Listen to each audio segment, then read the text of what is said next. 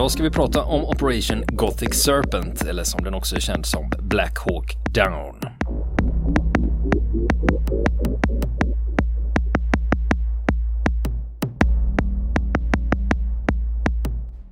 Ja du Niklas, nu ska vi tillbaka till 90-talet. Mm, just det. Kalla, Black 93 Hawk Down. till och med. Kalla kriget är ju avslutat Just vid det. det här laget. Kommer du, ihåg denna, kommer du ihåg de här filmbilderna från den amerikanska landstigningen i Somalia?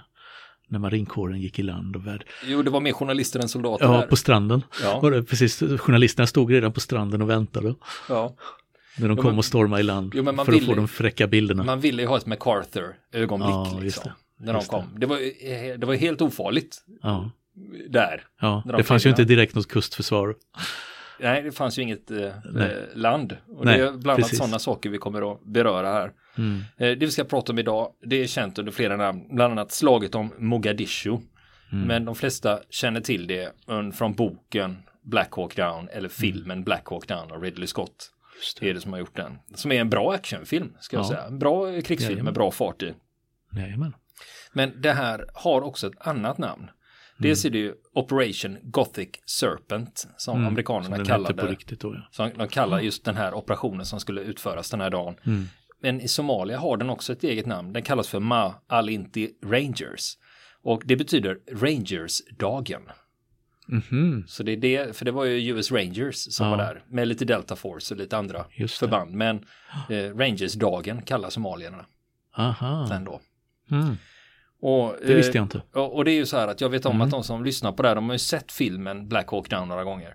Så Mm. jag kommer att referera till den vid flera tillfällen och berätta vad som är sant och vad som inte är sant. Va? Det är ju alltid det. så när man ska göra Just en det. film based upon a true Ja. story. Nu så, så ni, ni som inte vill eh, ha era illusioner krossade Ja. kring Men- den här men- filmen men så det, det, just det kan här, ni stänga av. just, det här är ju ett eget kapitel, just det där med Ja. based upon a true story. Just det. För att eh, ibland så har det eh, en del filmmakare hamnat i lite klammeri. Efter, det har blivit bråk om det här med sanningshalten. Mm. Så att därför har en del har ju till och med skruvat ner det så, skrå, så står det så här inspired by a true story. Och då har man ytterligare. De har eh, eh, löst upp samma, sambandet ännu mer har man gjort ja. Ja, så att det. eh, det, då kan man vara lite vaksam på för jag vet eh, Lisa Marklund, författaren, hon hade skrivit en bok. Så där det stod baserat på en sann historia. Och det visar ju sig att hon hade ju tagit väldigt mycket frihet och då tyckte man att det var bättre om hon hade skrivit att var inspirerad. bygger, inspirerad ja. av verkliga händelser, eller baserad. Men det är frågan hur man ska formulera sig där liksom. Ja, det, det är alltid någon som blir arg. De tycker att de blir lurade för att fi, film är ju så starkt att man upplever det som sant om någon ens hintar att det är sant i det. Det är baserat på Jo, sanning. men ofta är det ju ja. den som får stå som Mm. schablon för Ja. historieberättandet sen. Att Just men det var så det hände, titta på filmen så ser ni hur det gick till. Just det. Och där är det ju varierande grad. Ja, det kan man lugnt säga. Ja, samma filmer? sak med en del Mm. böcker som blir liksom eh, standardverk kring en händelse. Att vill ni Ja. läsa hur det gick till så läser ni boken. Och sen kan det gå några år och så visar det sig att, men vänta lite nu här. Mm. Det här, det här stämmer ju inte va? Nej. Man ska läsa flera böcker om samma ämne om man är Ja, så ser man hur, att det finns olika sätt att tolka händelser och man bygger på olika fakta och så vidare. Så det, det är väldigt vanligt. Mm. Även i, histori- i seriösa historieböcker. mm. Olika källor, olika historier. Exakt. Mm. Exakt. Precis, och vi gör ju som vanligt Mm. att om vi springer på två källor som säger olika saker, då säger vi, berättar vi bägge ståndpunkterna så får ni Mm. lyssnare själva bestämma Precis. vad ni är ute efter. Eh, Det som passar era åsikter. så, det Som det brukar heta. Det är så det brukar fungera. Ja. Ja, det är bra. Eh, Den här dagen jag ska prata Mm. om det, alltså 3 oktober 1993 i Somalia. Mm. Eh, Vi ska börja lite tidigare, vi ska börja året innan, 92 då. Och det är så här att landet som sådant, det saknade en ledning efter en statskupp 91. Och det fanns en tidigare president som hette Barre, med, med ja, Barre på Just det. svenska då. Men eh, jag, jag säger Barre, han kanske, jag vet inte hur man uttalar det. Jag är, min somaliska är lite Den är eh, lite rostig. Barre, Barre. Eh, han hade suttit vid makten sedan en statskupp 1969. Mm. Och ja, ja, då sitter man 69 till 91, ja det var ju diktatur va. Just det. Och 91 då, då var det flera grupperingar i landet som gick samman för att störta honom. Och då flyr Barré från eh, Mogadishu i en stridsvagn. Och efter inbördeskrig och statskupp, då finns det ju ingen statsapparat kvar. Det finns inga myndigheter, inga institutioner. Och det som händer då, det som händer då, det som kan hända då, det är att makten tas av den som har tillräckligt mycket mannar och vapen. Mm. och, och tillräckligt mycket inflytande. Det kallas för maktvakuum det här. När, det. eh, När, när det finns makt någonstans och den försvinner då, då blir det ett tomrum och då sugs eh, det in folk i det maktvakuumet eller folk passar på då. Mm. Det har vi ju nämnt i flera exempel när vi pratar om Irak. Mm. Irak och Afghanistan. Och Där jag har fått in en rättelse av en lyssnare förresten. Vi pratade ju om Irak Mm. och då, då sa jag så här att eh, Saddam Hussein han var ju eh, sunnimuslim Mm. och eh, tillhörde majoriteten i Irak medan shia var Mm. i minoritet. Det var tvärtom. Sunni var de som är var minoritet. minoritet. och shia i majoritet. Mm. Så då har vi rätt ut det. Just det. Nu ska vi tillbaka till Somalia. Men eh, det här med det här med maktvakuum, problemet med det här det är att ibland kan diktatorer ha en stabiliserande effekt i ett land och det är ofta därför som eh, diktatorer tillåts sitta kvar vid makten. För om makten försvinner då är det stor risk att inbörd, utbryter inbörskrig eller att det blir ännu värre. Mm. Och det finns flera exempel Mm. eh, på det det- här när man kan undra precis. men hur kan de låta den jäveln sitta kvar? Mm. Och så visar det sig att ja, vi vet vad vi har men vi vet inte vad vi får. Va? Precis. När Tito dog till exempel i eh, forna Jugoslavien och Mm. hela den staten föll samman och nu är ju dilemmat med Assad i Syrien. Det var precis det jag tänkte nämna. Ja. Att eh, det finns många exempel på det där. Vad händer när diktatorn som kanske har hållit samman, som i Titos fall då, som hade hållit samman eh, Jugoslavien sedan andra världskriget. Just det. Så det är sådana frågor. Eh, så precis som du säger så blir det ofta ett avvägande. Ska man behålla diktaturen och stödja den eller riskera att situationen förvärras? Och ibland kan det bli ytterligare en tredje lösning. Det är ett annat, att ett annat land, till exempel en stormakt, ingriper och genomför en statskupp och placerar en egen kandidat på tronen. Det är också ett sätt då för att försöka lösa situationer i olika länder. Men Somalia 91, efter den här statskuppen, då är det flera som strävar efter att fylla tomrummet och skaffa sig makt. Och en av dem, det är Aidid. Han är tidigare general och han leder grupperingen United Somali Congress. Och det är en av de fraktioner som var med och störtade Barre. Och alltid när det gäller den här typen av personer, eh, han får olika titlar beroende på vem man frågar. Eh, för han var tidigare general, han har varit diplomat, militärledare och, eller så kan han också kallas för krigsherre Mm. beroende på vem man frågar då. Va? Eh, politiker kan man också dra till med då. Eh, men hur som helst så var han faktiskt utbildad på Frunze militärakademi i Moskva under kalla kriget. Just Så det. han hade ju gedigen. Ja, precis. Frunze det är väl, eh, Mm. det är väl Sovjets West Point. Det är precis vad det är. Frunzeakademin. Ehm, Efter en av de första befälhavarna för Röda armén. Michail Mm. Frunze. Men det betyder att det finns massa med kända fältherrar som har Som har passerat gått genom där, portarna där. Det kan du ge dig på ja. Ja, Jajamän. I stort sett varenda en. ja alla som Av vi kan namnet till. på. Ja, Mm. precis. Precis. Nu är vi tillbaka i Somalia då och i det här läget då när det är landet är upplöst och det är kamp om makten. Eh, det är då som det görs en FN-insats för att få in lite stabilitet och humanitär hjälp i landet. Och i USA, där har Bush senior förlorat valet och en av de sista besluten han fattar det är att skicka amerikanska styrkor till Somalia och då är uppdraget humanitärt bistånd. För i landet så är det inbördeskrig och svält. Och sen tillträdde Clinton och då ändras uppdraget till att även försöka bygga upp landet. Så då har man två uppdrag där. Men 5 juni 93 då dödas 24 pakistanska FN-soldater i strider inne i Mogadishu och situationen trappas upp ytterligare lite senare på sommaren, 12 juli. Då är det ett hus där medlemmar från Aidids klan håller till. De beskjuts av amerikanska Cobra-helikoptrar, alltså det är attackhelikoptrar. Och det här anfallet varar i 17 minuter. Och under den tiden så skjuter de in 16 TOW-robotar. TOW det är ju pansarvärns. Robotar. Och så matar de på med 20 mm automatkanoner i huset. Och resultatet är någonstans mellan 50 och 60 döda. Och anledningen till att amerikanerna genomför det här anfallet är att de har fått eh, intel om att Aidid skulle befinna sig i huset. Men det gjorde han alltså inte. Men man skickar dit eh, attackhelikoptrarna och mm, ja, när, jag, när jag skriver vad de har skjutit in i det så fattar ni hur mycket det fanns kvar. Enligt en del analytiker som har tittat på det här i efterhand, då säger de så här att den här operationen den slog bakut för den ledde till att grupper som inte tagit ställning mot USA tidigare nu sluter de upp bakom dem som var fientligt inställda till USA. Just det. Så att det fick en politisk konsekvens då istället. Och situationen förvärras för det kommer dit fyra utländska journalister för att bevaka den här händelsen och de lynchas av en folkmassa. Och en journalist som undkommer med nöd och näppe, när han, det är hans chaufför som räddar honom. Och de fyra journalisterna som mördades, stenades och slogs ihjäl, det var Dan Eldon, Hos Maina, Hansi Kraus och Anthony Macaria. Och sen 1993 har 12 utländska journalister dödats i Somalia. Och där ingår svensken Martin Adler. Han sköts ihjäl under en demonstration 2006. Om ni, det. ni minns Just det. Men, men 11 stycken här som vi eh, pratar om då utöver, eh, utöver Adler då. Det är ju ingenting jämfört med många somaliska journalister som har dött under samma tidsperiod. Det är 60 stycken. Och det är de man liksom känner till. Sen finns det ju alltid ett mörkertal då, för folk som har försvunnit och så. Sen eh, 8 augusti 93, då dör fyra amerikanska soldater när en fjärrutlös sprängladdning detonerar och de sitter i ett fordon som sprängs. Och två veckor senare så skadas sju soldater, också det av en fjärr, fjärrutlös sprängladdning.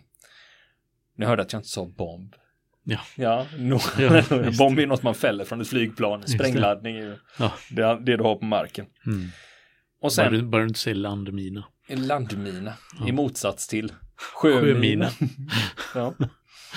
Ja. Men du vet var begreppet mine kommer ifrån? Mm. Just det, man grävde tunnlar. Man grävde tunnlar och sprängde. Och, sprängde mine det betyder ju gruva Precis. också. Ja, vi, vi ska, Ja, vi ska men göra det är ett eget kapitel. Ja, vi ska göra egna, vi, Ja. det är roligt med språkliga utflykter och se Just vad det det. faktiskt eh, kommer Vi har ju ifrån. faktiskt berättat lite om det när vi pratade om SOM.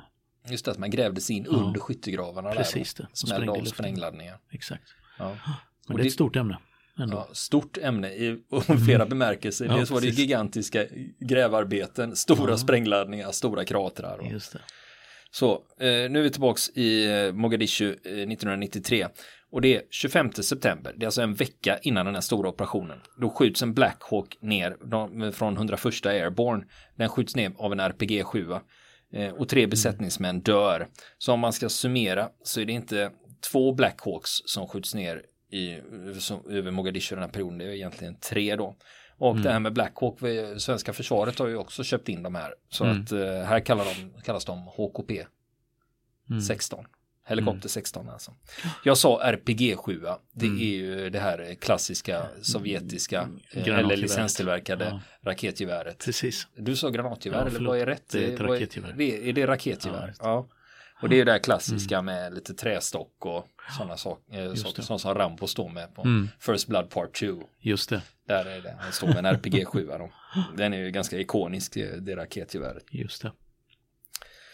Och nu är vi framme då vid Operation Gothic Serpent då. Och där är målet att gripa två medhjälpare till krigsherrarna i DID. Och det är det som är eh, det här är en del av operationen Gothic Serpent för eh, hela den här operationen går egentligen ut på att tillfångata IDID i slutändan då. Det här ska då göras nära en marknad som heter Bakala. Och den, jag kommer att komma tillbaka till den här marknaden, den ligger inne i Mogadishu. Mm.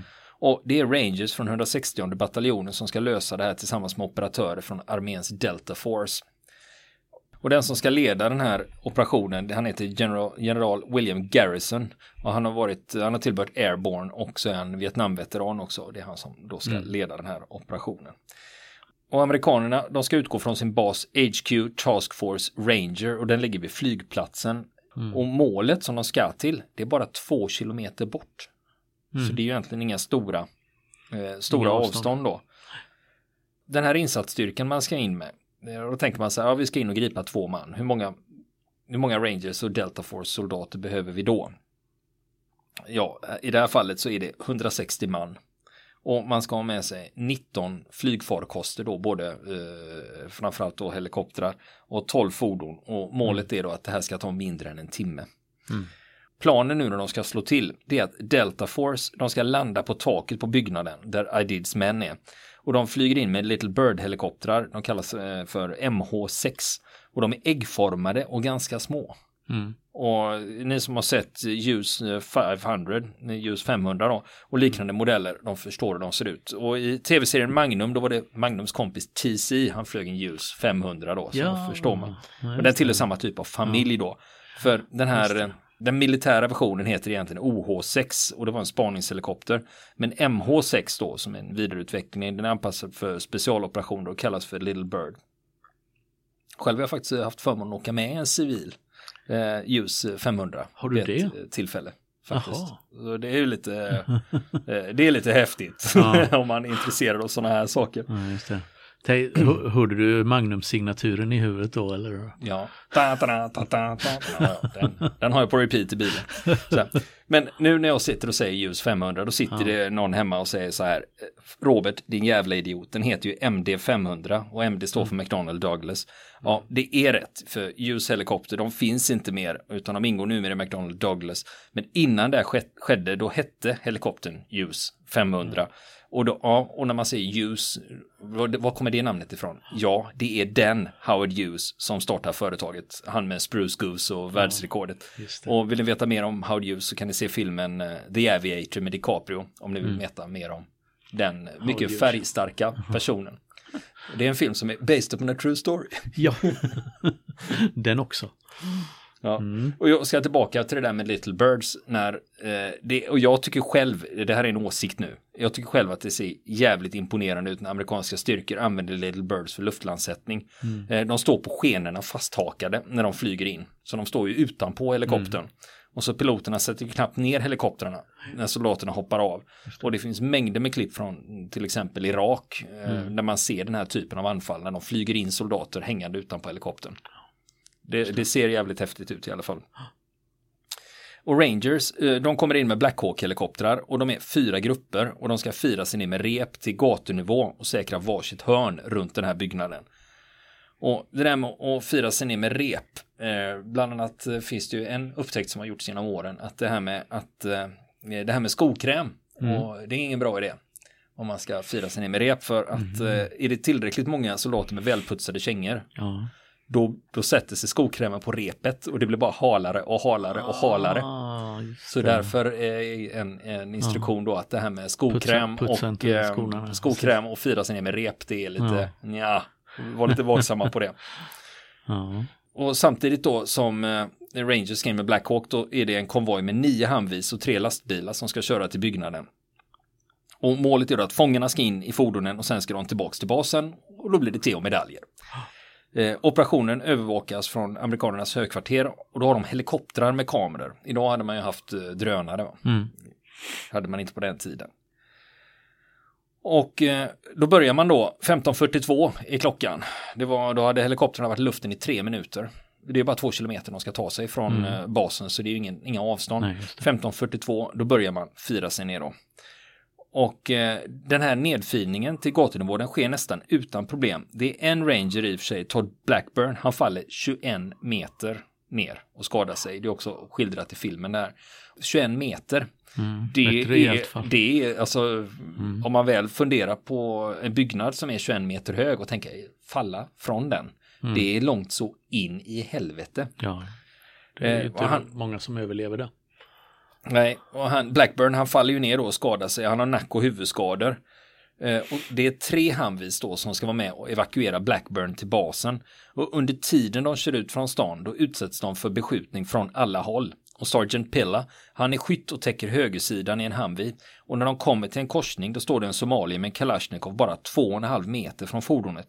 Och han tar sikte på takskytten och ska precis till att skjuta när skytten i fönstret på högersidan på Humveen får syn på honom. Och då siktar de på varandra. De skjuter båda två och bägge dör. Och skytten Pilla som satt då i baksätet till höger. Han stupar då för han får en kula i huvudet. Mm. Och det är det första amerikanska dödsfallet den här dagen. Och om man då jämför det med filmen, där står Pilla och bemannar kulsprutan på taket. Mm. I verkligheten satt han i baksätet på högersidan. Och soldaten som bemannar takkulsprutan hette Paulson och han överlevde den här incidenten. Men när de väl kommer till basen sen, då har samtliga tre, tre Humvees eh, skotthål i sig. För det var ganska kraftig beskjutning som de var utsatta för på vägen ut därifrån. Och även 1542, samtidigt som Rangers firar sig ner, då kommer Delta och släpps av med sina, från helikoptrarna, sina Little Birds på taket och då går de in och direkt börjar gripa folk. Och de har full kontroll inom 15 minuter. Då har de tagit över hela byggnaden. Och eh, dessutom identifierat de två män som de ska ha med sig. Och när de ändå är där och har gripit massa folk så tar de med sig 20 ytterligare personer som de eh, anser är misstänkta då. Som eh, de ska med till högkvarteret så de har buntat ihop dem. Men innan de hinner komma ut då, det är ju ändå 15 minuter som det här pågår, eh, då ökar skottlossningen utanför byggnaden som de är i. En av amerikanernas lastbil träffas av en eh, RPG, av ett raketgevär. Mm. Och i det här så skadas 27 av soldaterna. De har ändå tagit sig in, det var 160 man som skulle med in. Va? Det. Så det är ju ganska mycket folk att flytta på. 16.02. Då börjar man lasta in i konvojen som har kommit dit. Och nu börjar somaliska styrkor koncentrera sig mera ordnat i staden. Och, amerikanerna, de blir fortsatt beskjutna. Och det är, det är Kalashnikov och raketgevär. Som eh, är weapon of choice bland somalierna då. Mm. Och inledningsvis när den operationen inleds då är det ganska spridd eld från somalierna och det är inte träffsäkert. Eh, Men efter ett tag så ökar både prick, ökar pricksäkerheten och en av rangersoldaterna som var där som har firat sig ner och står ute på gatan, han heter Kenny Thomas. Han kände hur det slå till i kroppen på honom och han försöker se, han fattar ju att han har blivit träffad. Och han försöker liksom se vad fan, vad fan har kulan slagit in någonstans. Och då är det en 762 från en Kalashnikov som har tagit i hans magasin. Och inte bara det, kulan har gått in rakt framif framifrån och slagit bort hela bakstycket på magasinet. Och det betyder att om kulan inte hade stoppats av magasinet så hade den fortsatt rakt in i bröstkorgen på honom. Mm. Ja, är lite. Vilken tur. Det, ja, det är nära. Men, du ändå, men på det viset, eh, Kenneth Thomas säger själv i en intervju efteråt att ja, men det var ändå tur att du tog i magasinet för det var ju bara att liksom slänga det och stoppa i ett nytt. Så att eh, hans utrustning var ju inte liksom permanent Nej, skadad. För hade det tagit i vapnet kunde det ju fått värre konsekvenser. Just det.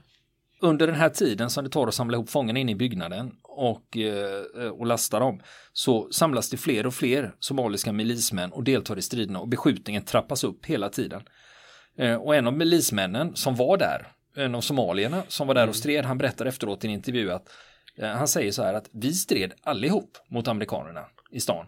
Det var män, kvinnor, barn och milisen. Så då gick liksom man ur huset och liksom mm, satte igång med det här. Nu råkar amerikanerna ut för ett problem här, för fångarna är i fordonen. Det är färdiglastat såklart. Och konvojen väntar på en order från Delta att de kan börja rulla. Så där och bara, okej, vi väntar på klartecken. Ja, och Delta, de väntar också på klartecken från konvojen. Att nu, nu är vi klara, nu kan vi rulla. Så de blir stående där. De blir stående där eh, eh, och, det händer ingenting. Nej. Eh, och minuterna bara går. Ja. Och liksom förvirring va. Och det är ju just det som är viktigt också Mm. vid en planering.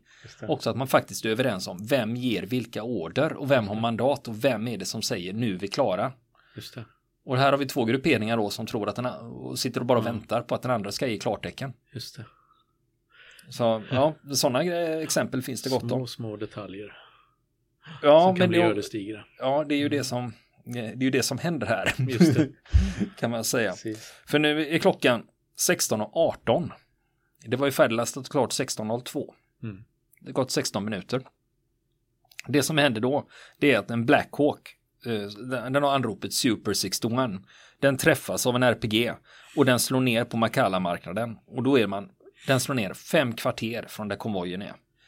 Och det är då General Garrison säger, nu har vi förlorat initiativet. När helikoptern slår ner i backen. Det. Och det skildras i filmen och det har han sagt på riktigt så det citatet är korrekt. När den här eh, helikoptern slår ner, bägge piloterna dör, men två av besättningen lever, men de är skadade. Och i den här helikoptern fanns också två prickskyttar från Delta Force, de heter Daniel Bush och eh, Jim Smith. Och de två prickskyttarna, de har klarat sig och de börjar försvara nedslagsplatsen. Och en helikopter dyker upp, en Little Bird, de kommer för att rädda de som har störtat.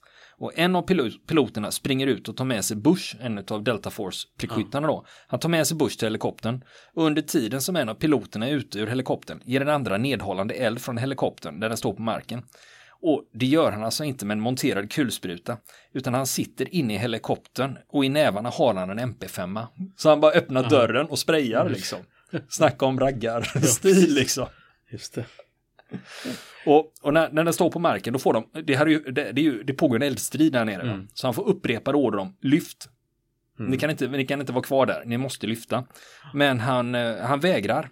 Utan han säger, ja, när min andra pilot har kommit ombord, då, för han var ute och hämtade.